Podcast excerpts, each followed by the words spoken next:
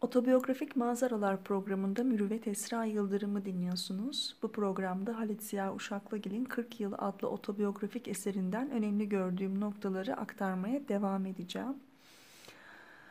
Ee, Halit Ziya 4 yıl içinde çeşitli felaketlerle baş başa kalır.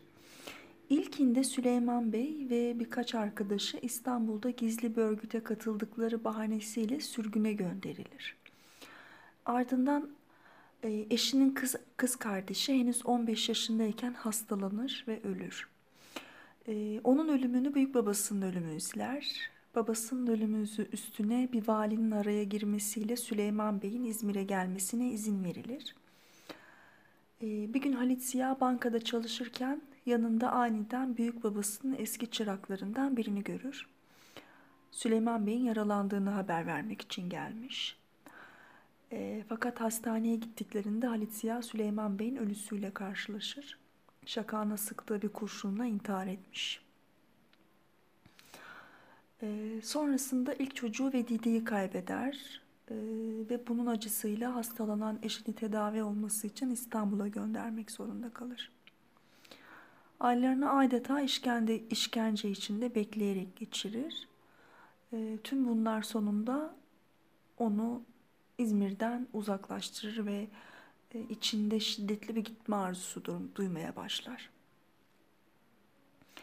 E, bu sırada eğitim müdürü değişmiştir ve yeni müdür Emrullah Efendi olur. Emrullah Efendi ilk iş olarak okulun müdürü Abdurrahman Efendi'nin yerine İstanbul'dan Abdi Bey adında birini getiriyor. E, Abdurrahman Efendi kendi çabasıyla okulun yapımını sağlamış, öğretmenler heyeti oluşturmuş, okulu 5 yıllıktan 7 yılla gündüzden yatılıya geçirmiş bir isim. E, gerektiğinde her türlü yeniliğe karşı çıkan, bütün şehre karşı mücadele etmiş bir isim daha doğrusu.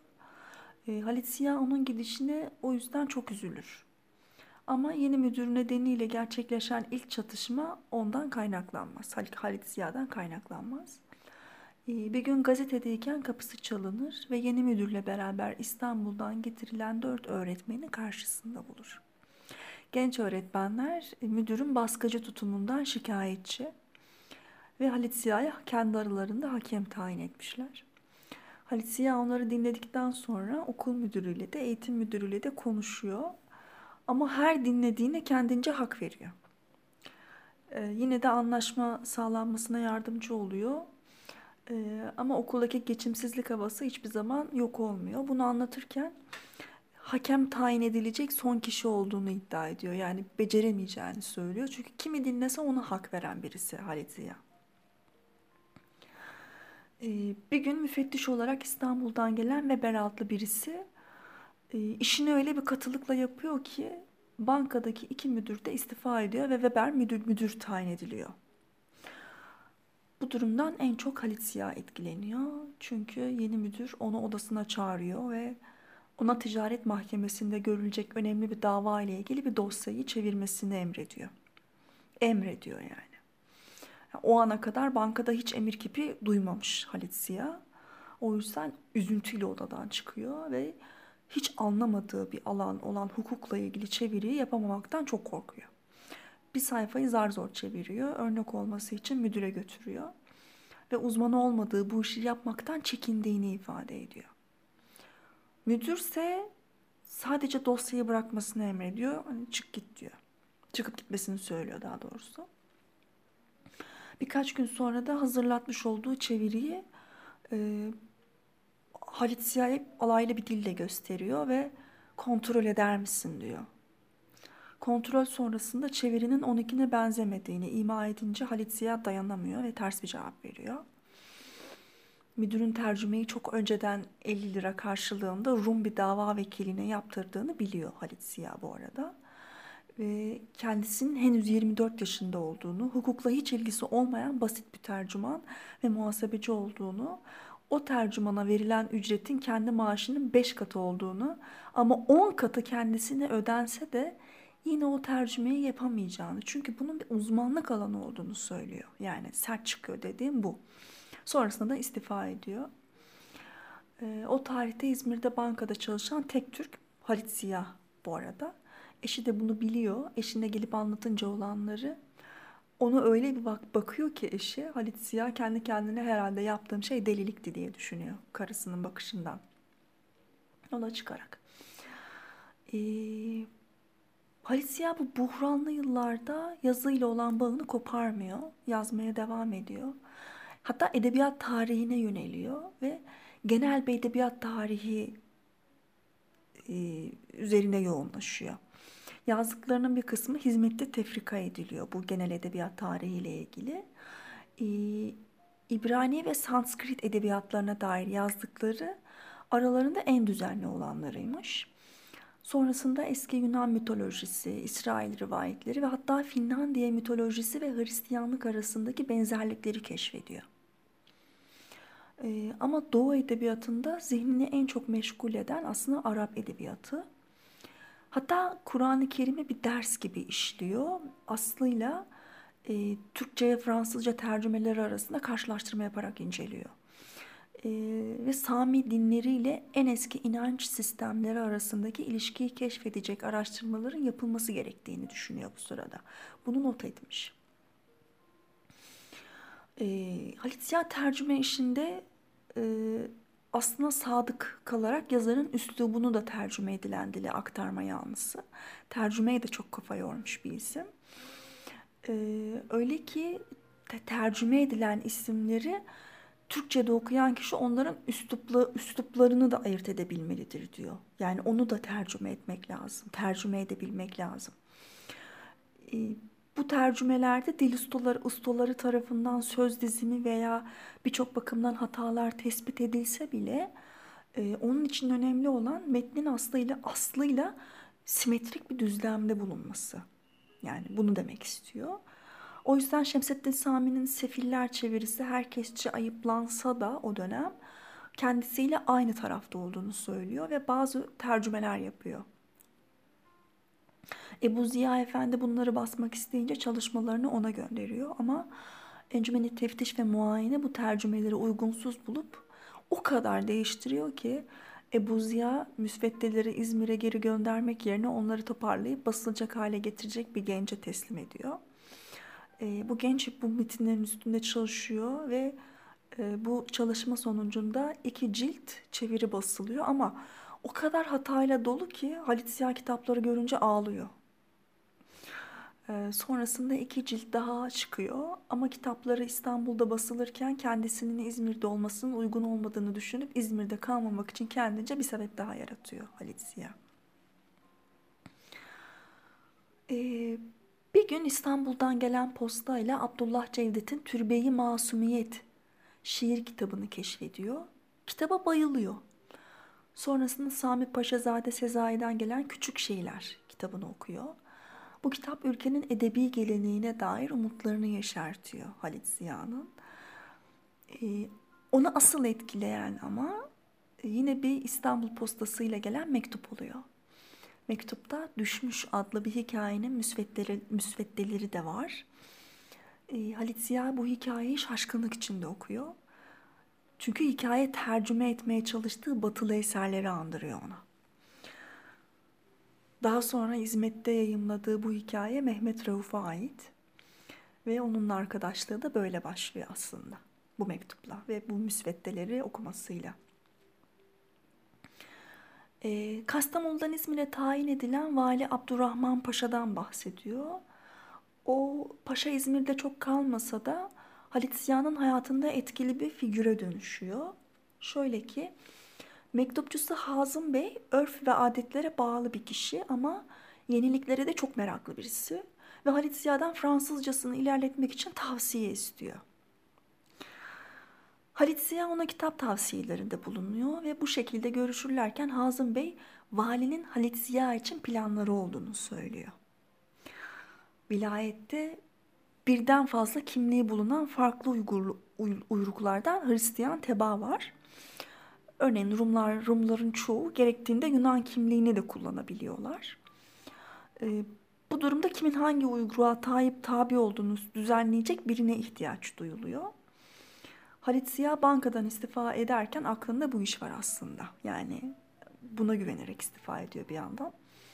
Ama göreve başlar başlamaz istifa ettiğine o kadar pişman oluyor ki. Yani bir kişiyle bayla paylaştığı çalışma odası küçücük ve çok sefil bir yer. Üstelik maaşını da almakta zorluk çekiyor. Ne zaman gitse haftaya haftaya. Ama bir gün İstanbul'dan gelen telgrafla her şey değişiyor. Ee, Osmanlı'nın borçlarına karşılık tütün üzerindeki haklarını devrettiği Fransız Reji İdaresi'nin genel müdürünün başkatipliği teklif ediliyor kendisine. Evet sonunda İzmir'den ayrılmak için daha geçerli bir sebep oluşmuş oluyor ve ayrılmadan önce hatıraların olduğu her yeri teker teker dolaşıyor. Ve hem hatıralarıyla hem de hatıralarının geçtiği mekanlarla vedalaşıyor. Halit Ziya'nın bu huyunu çok seviyorum. İstanbul'da da yapıyor bunu. Daha önceki bölümde bölümlerden birinde bahsetmiştim. Hatıraların üstünden geçiyor. Benim de çok sevdiğim bir şey. Hatta yaptığım da bir şey. Halit Ziya'nın da yaptığını gördüğümde şaşırdım. Ee, sonrasında ailesiyle birlikte İstanbul'a doğru yola çıkıyor. İstanbul'a vardıklarında geceyi eşinin rejide çalışan dayısı Sayit Bey'in evinde geçiriyorlar. Ertesi günde kayınpederinin Sarıyer'deki yalısına gidiyorlar. Rejide çalışmaya başladığında İstanbullu olmadığı, taşralı olduğu için kendini gülünç bir hale sokacağı bir durum duruma düşmekten çok korkuyor. Hep bir şey yapacağım ve gülünç bir hale düşeceğim korkusuyla yaşıyor. Ee, İlginç bir şekilde bu korkusuna istibdat rejiminin korkusu eklenmiyor ama çünkü kendine artık yazmamak için söz vermiş. Ama bir gün kısa boylu bir Bahriyeli onun yolunu kesiyor ve karşısına dikilen kişi kim? Mehmet Rauf tabii ki.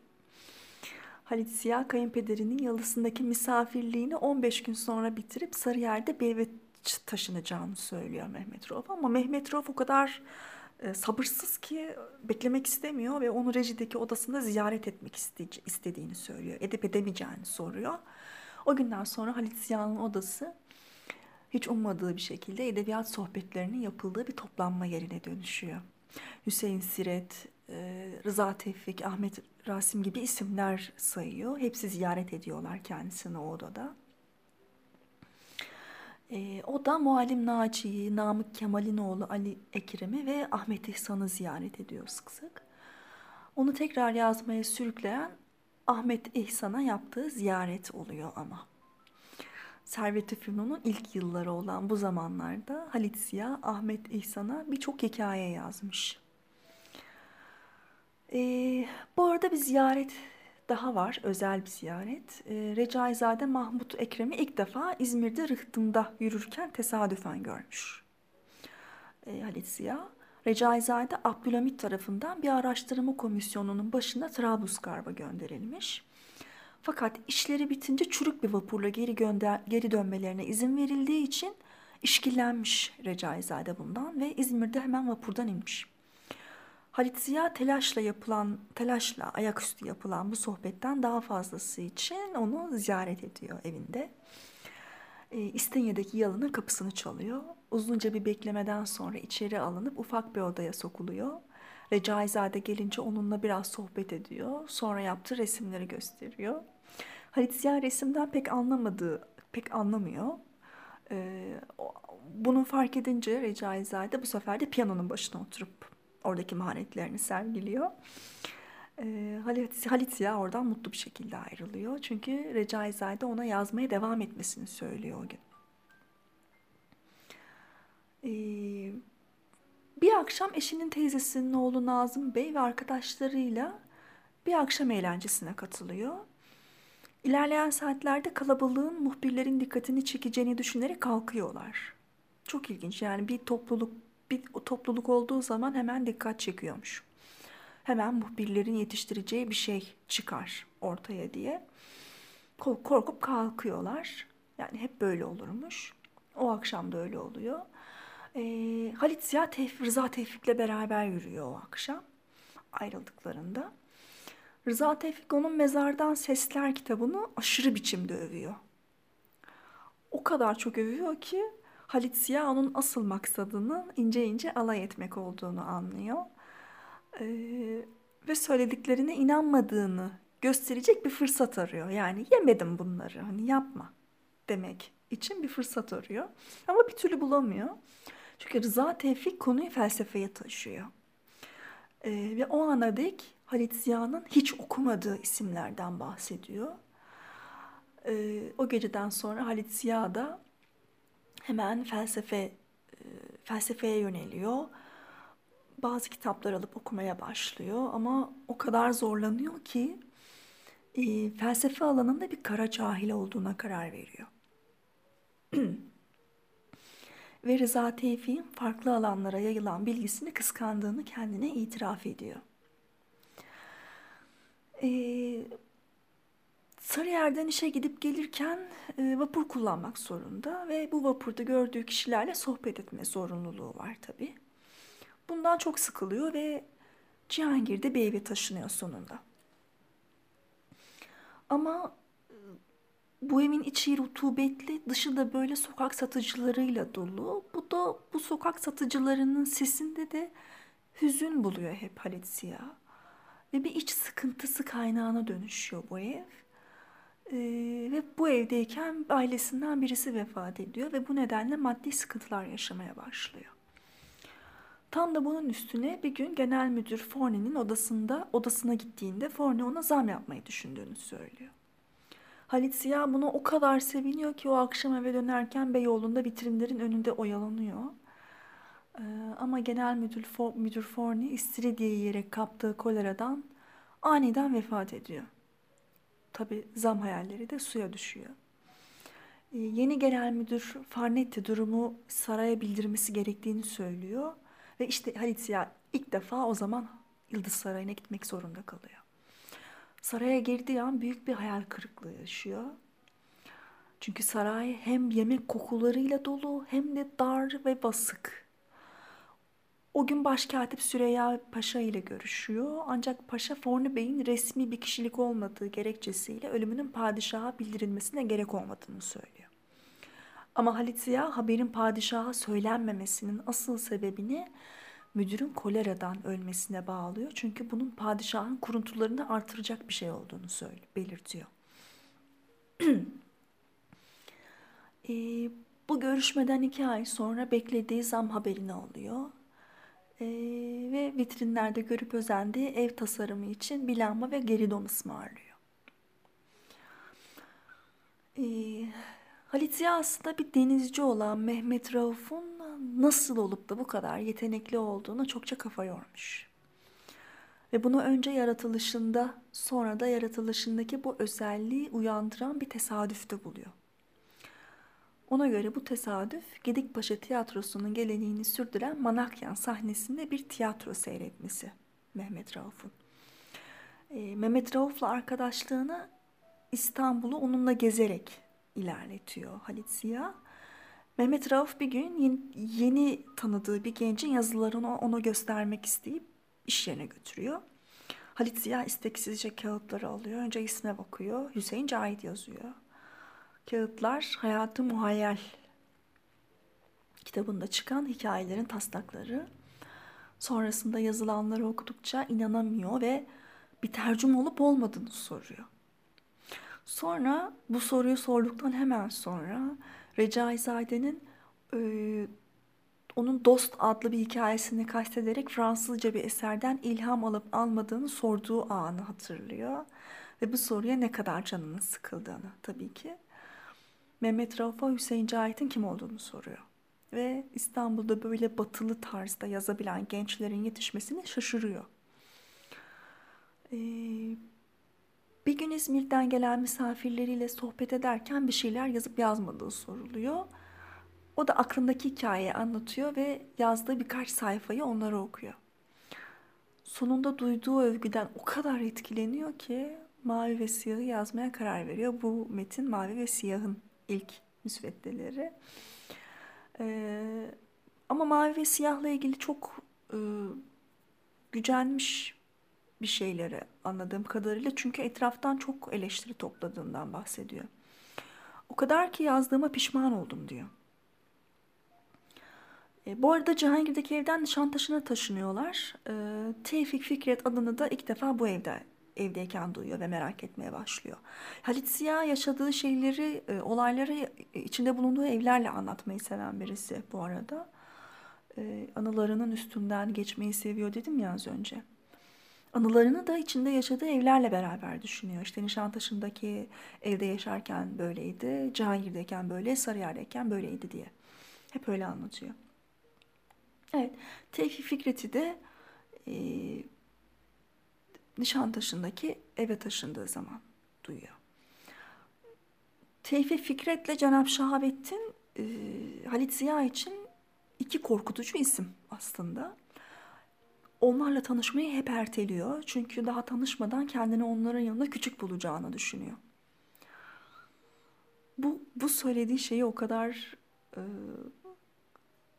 kendime yakın buldum ki çok hoşuma gitti böyle bir içtenlikle bunu paylaşıyor olması. Onlarla daha tanışmadan kendini onların yanında küçük buluyor. Yani bunu bence birçoğumuz yaşamışızdır. O yüzden tanışmayı erteliyor. Ee, Cenab'ı tanımasını sağlayan Hüseyin Cahit'te olduğu gibi yine Mehmet Rauf yani Hüseyin Cahit'i tanımasını sağlayan Mehmet Rauf yine Cenab'ı tanımasını da sağlıyor. Ee, bir gün elinde mektep dergisiyle geliyor ve Cenap'ın şiirlerini Halit Ziya'ya gösteriyor. Cenap Şahabettin'in şiirlerini. Halit Ziya onun bir hekim olduğunu, uzun zaman Paris'te yaşadığını ve birçok sanatçının yaşadığı bir bölgede kaldığını, oradaki fikir ve sanat dünyasından payına düşeni aldığını biliyor. Ve bu bildikleri ondan ürkmesine yetiyor zaten. Ee, Mehmet Rauf'un getirdiği şiirleri okuduğunda mest oluyor ama. Çok beğeniyor. Ee, onu derginin Babali'deki yerinde ziyaret ediyor. Ve düşündüğünden daha tutuk ama sokulgan buluyor ve yanından neşeyle ayrılmış o gün. Tevfik Fikret'i ise Muallim Naci'nin merkezinde yer aldığı harekete bağlı ama yeniliklere de karşı olmayan biri olarak biliyor Halit Ziya. Ee, yazmış olduğu şiirlerden ziyade kendisine anlatılan Tevfik Fikret karakterinden etkilenmiş aslında. Ee, çünkü Tevfik Fikret'in çok az okuyan bir şair olduğunu, onu kendisi yapanın okuduklarından ziyade sanatkar yaratılışı olduğunu söylüyor Halit Ziya. İlginç bir şey söylüyor aslında Tevfik Fikret'le ilgili. Hüseyin Cahit'in hikayeleri e, anılarında da var Tevfik Fikret'le ilgili bu tür gözlemler. Yani onun karakteriyle ilgili yazdıklarından ziyade karakteri etrafında toplanan insanlar, karizması etrafında toplanan insanlar. Benzer bir şey söylüyor yani Halit Ziya'da, Hüseyin Cahit'le. Ee, bir gün Hüseyin Siret sayesinde tanışıyorlar. Hadi Tevfik Fikret'le ikisi. E, tanıştıklarında ikisi de birbirine mesafeli davranıyor.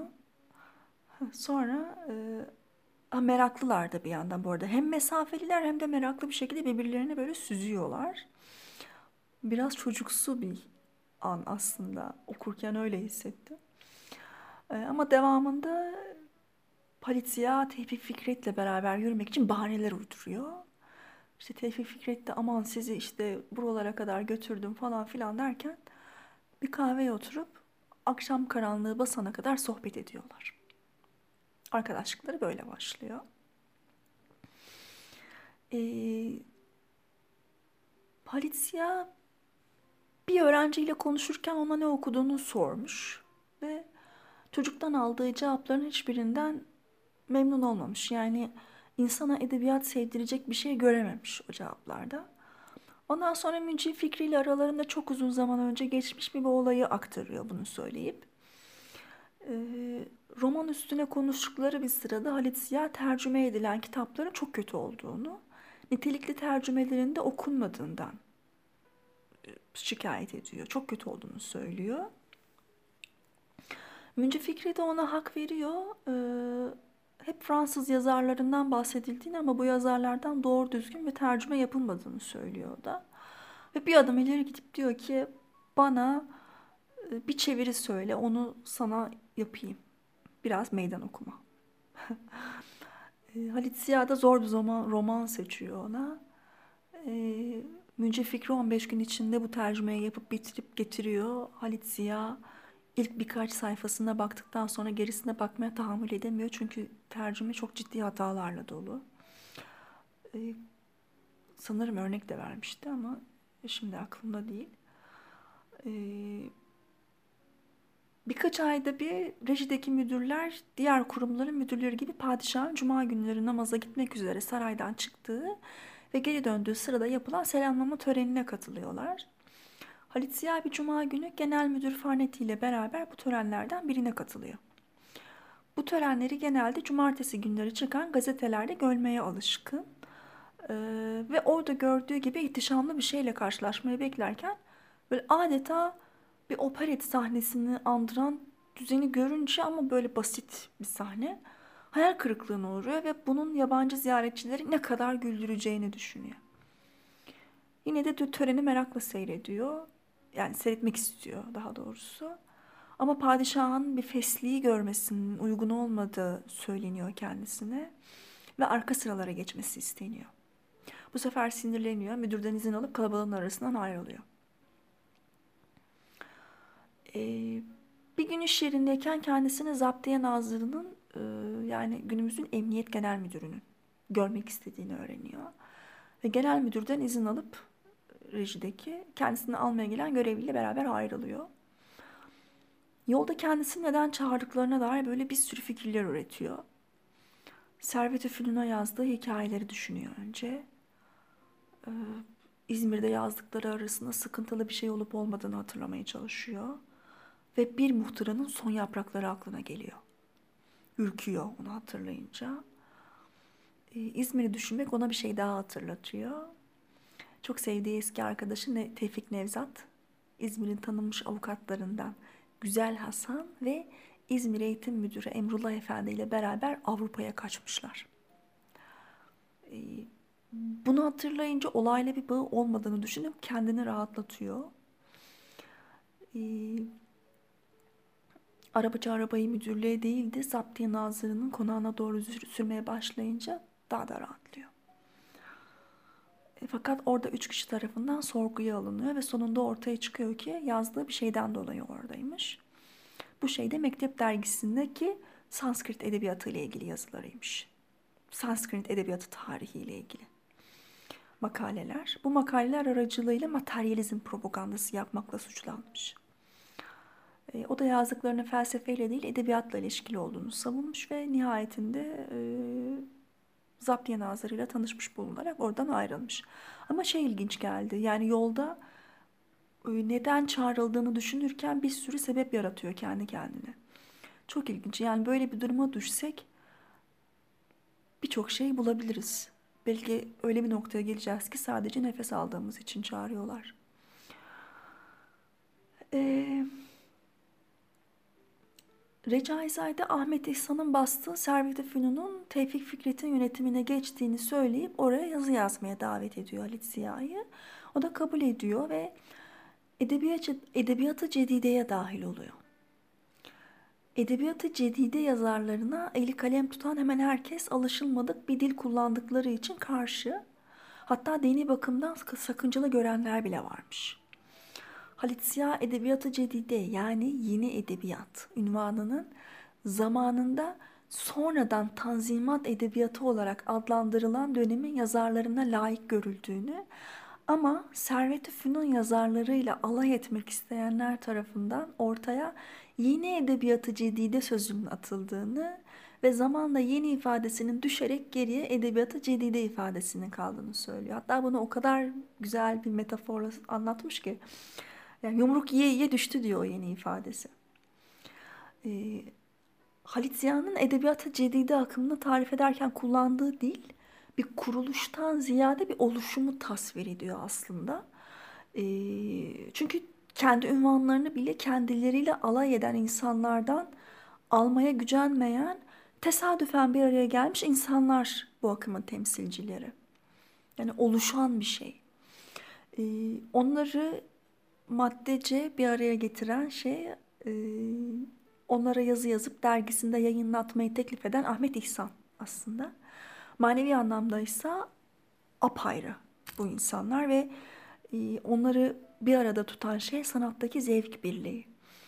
E, Doğu'nun sunduğu tüm edebiyat kaynaklarını tüketmişler ama tatmin olmayıp batıya yönelmişler.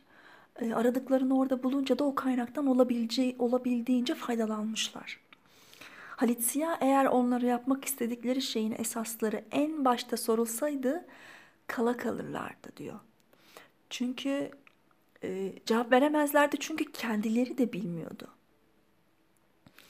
E, ama zaten bilselerdi de konuşmadan önce dilleri kopartılırdı demiş. E, ve çağdaş dergilerde olduğu gibi derginin amaçlarını yayımlasalardı edebiyat-ı cedideyi daha doğmadan öldürürlerdi diyor. E, Muallim Naci'nin ölümünün ardından e, Servet-i Fünun yazarlarına karşı çıkanlar yine onun izinden gidip doğudan uzaklaşmaya günah gözüyle bakan isimler. Hatta Ahmet Mithat Efendi onları bu yüzden dekadan yani düşkün hareketi temsilcileri olarak isimlendiriyor. Bundan Hüseyin Cahit de bahsediyordu. Ama karşılarındaki asıl güç e, Yıldız Sarayı'nın desteklediği bir dergi olan Malumat'ın başındaki Baba Tahir. Baba Tahir sarayı henüz ne olduğu pek anlaşılmayan edebiyata cedidenin karşısında malumat gibi bir çekim merkezi bulundurmak gerektiğine inandırmış ve sarayın sağladığı imkanlarla iyi yaşayan bir kişi. Bundan fazlası değil.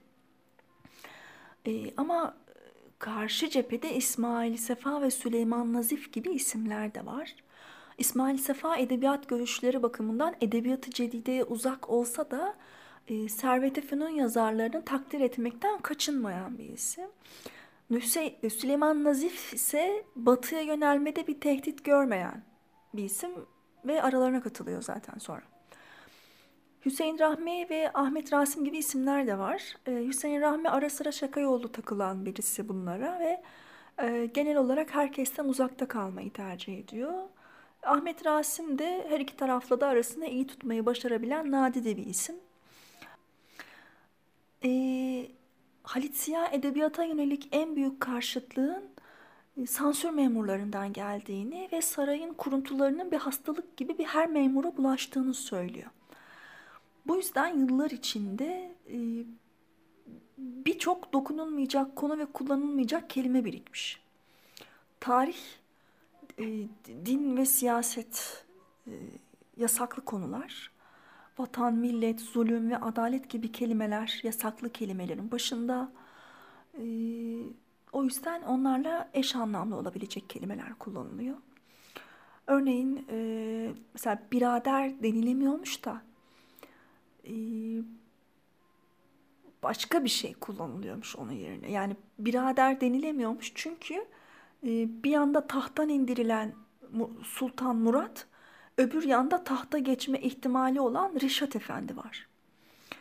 Ee, benzer şekilde padişahın büyük burnunu çağrıştıracağı için e, coğraf coğrafya kitaplarında bile burun kelimesi kullanılamıyormuş. Bunu yine Hüseyin Cahit de söylüyordu.